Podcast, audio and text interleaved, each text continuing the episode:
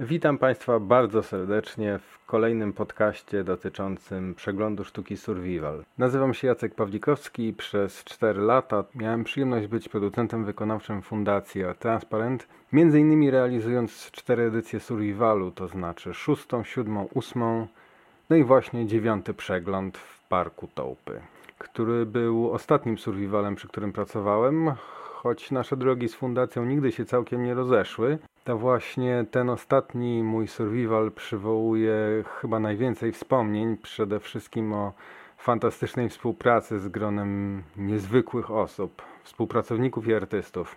Bardzo trudno byłoby mi w tym momencie im wszystkim nie podziękować i w tym celu posłużę się takim prostym producenckim porównaniem. Jeśli przegląd przyrównamy do procesu wbijania gwoździa w ścianę, to artysta jest osobą projektującą i wykonującą tenże gwóźdź i w tym miejscu kłaniam się wszystkim twórcom, z którymi miałem ogromne szczęście współpracować na przestrzeni tych lat i których nie sposób tu wszystkich wymienić z nazwiska.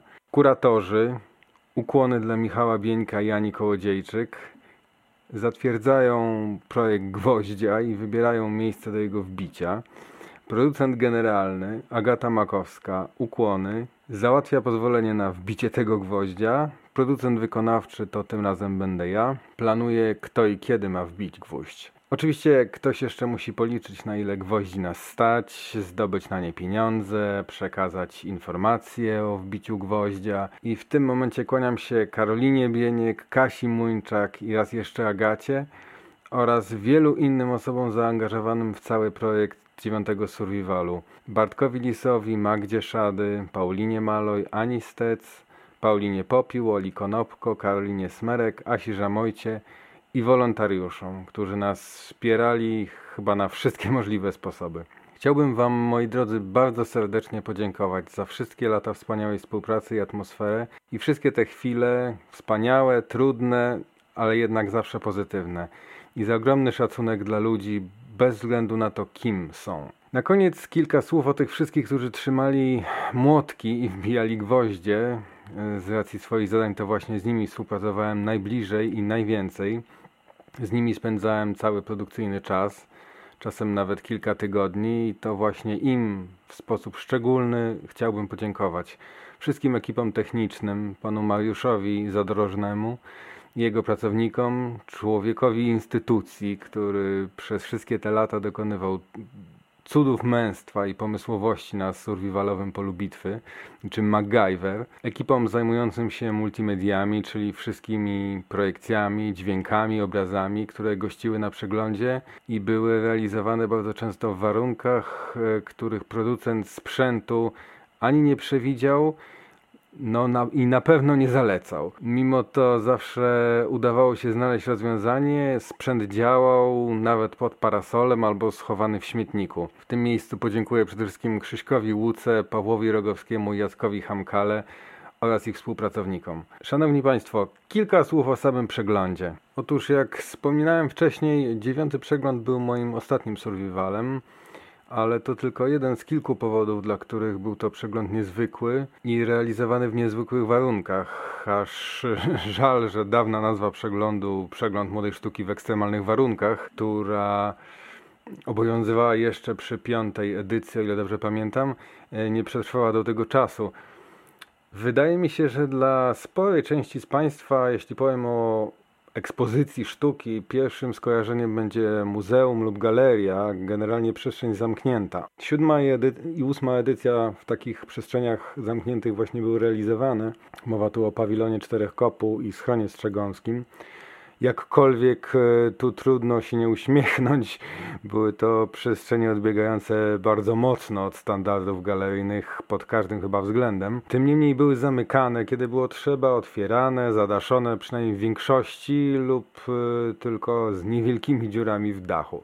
Można się było więc zabarykadować i nawet przez 24 godziny na dobę realizować pracę bez obaw o ich uszkodzenie, kradzież sprzętu, zaplanować wszystkie zadania i je realizować, aż do otwarcia podwojów w dniu wernisażu. E, produkcja była więc bardzo bezpieczna i bardzo wygodna. W przypadku dziewiątej edycji mamy jednak do czynienia z parkiem. Parkiem w centrum miasta, ogólnodostępnym przez całą dobę dla ludzi, zwierząt, no i oczywiście też zjawisk atmosferycznych. Ma to tę wadę, że wiele prac musiało być realizowanych w ostatnim możliwym momencie, tak aby nie uległy uszkodzeniu, zniszczeniu lub nie stały się łupem dla amatorów sztuki współczesnej, jak się zresztą okazało dość licznych. Część prac musiała być sprzątana na noc, bo ile w dzień park był miejscem odpoczynku dla mieszkańców, to w nocy zmieniał nieco swoje oblicze i stawał się miejscem różnego rodzaju rozrywek których ślady odnajdywaliśmy rano. Zaletą, przynajmniej z mojego punktu widzenia, była interakcja z odbiorcami od pierwszego w zasadzie momentu rozpoczęcia prac. Myślę, że ta sytuacja, ta możliwość rozmowy z artystami czy wykonawcami na temat prac czy, czy samego przeglądu e, pełniła fantastyczną rolę edukacyjną i integracyjną. Wielu ludzi przyszło na wernisaż zobaczyć wreszcie to otwarcie, pokazać znajomym pracę, czy nawet co nieco o nich opowiedzieć. Oczywiście te interakcje w czasie montażu miały też swoje wady, bo po 40 pytaniu w ciągu dnia proszę pana, co to? I następującej po tym pytaniu rozmowie okazywało się, że brakuje czasu na dokończenie prac. E, kilka prac, między innymi słynny gigantyczny koc na polanie, czyli instalacja Piznic, Aleksandry Wałaszek i Oliwii Beszczyńskiej. Fantastycznie zafunkcjonowała społecznie. E, stała się miejscem zabawy dla dzieciaków i wypoczynku dla ich rodzin, które z ogromnym żalem przyjęły wiadomość w ostatnim dniu przeglądu, że no niestety koc nie pozostanie w parku na stałe.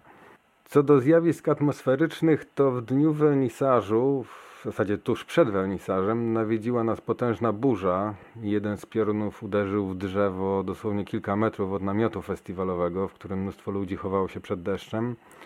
E, z potwornym hukiem, naprawdę odłupując fragment i pozostawiając na korze taki spiralny wzór, mnóstwo resztek e, drzewa wokół na trawniku. Na szczęście nikomu nic się nie stało, ale w czasie tej ulewy kilka prac uległo uszkodzeniu i trzeba je było naprawiać tuż przed wernisażem. Na koniec zostawiłem dla Państwa kilka anegdot producenckich, takich przygód, które nas spotkały w trakcie montażu prac, z racji tego, że pracowaliśmy właśnie w otwartym, ogólnodostępnym terenie. Kiedy przyjechały ambony, czyli prace Piotra Machy, Tomasza Koszewnika i Michała Bieńka. Trzy niemal identyczne obiekty, ambony, wieże myśliwskie. I byliśmy w trakcie ich ustawiania na skraju polany, mm, nieopodal stawu. Podszedł do nas pewien mężczyzna, który e, powiedział nam, że bardzo mu się podoba ten pomysł, że bardzo się cieszy, że ktoś postanowił wreszcie coś zrobić z nadmiarem tych kaczek w parku bo przeszkadzały mu bardzo ich odchody. No ale żeby zaraz ambony stawiać, no to chyba lekka przesada. Inna przygoda, która spotkała jednego z artystów w czasie trwania przeglądu, związana była z wysepką znajdującą się na środku stawu i realizowanym na niej projektem Anachoreza autorstwa Andrzeja Wasilewskiego. W założeniu wysepka miała stać się miejscem odosobnienia, takim azylem dla artysty na czas trwania przeglądu. Niestety okazało się, że wysepka ma bardzo licznych mieszkańców. To są dziesiątki szczurów i tak naprawdę o azylu czy samotności nie mogło w ogóle być mowy. No i artysta podczas pierwszej bezsennej nocy stracił w zasadzie cały prowiant, no i musiał się ewakuować.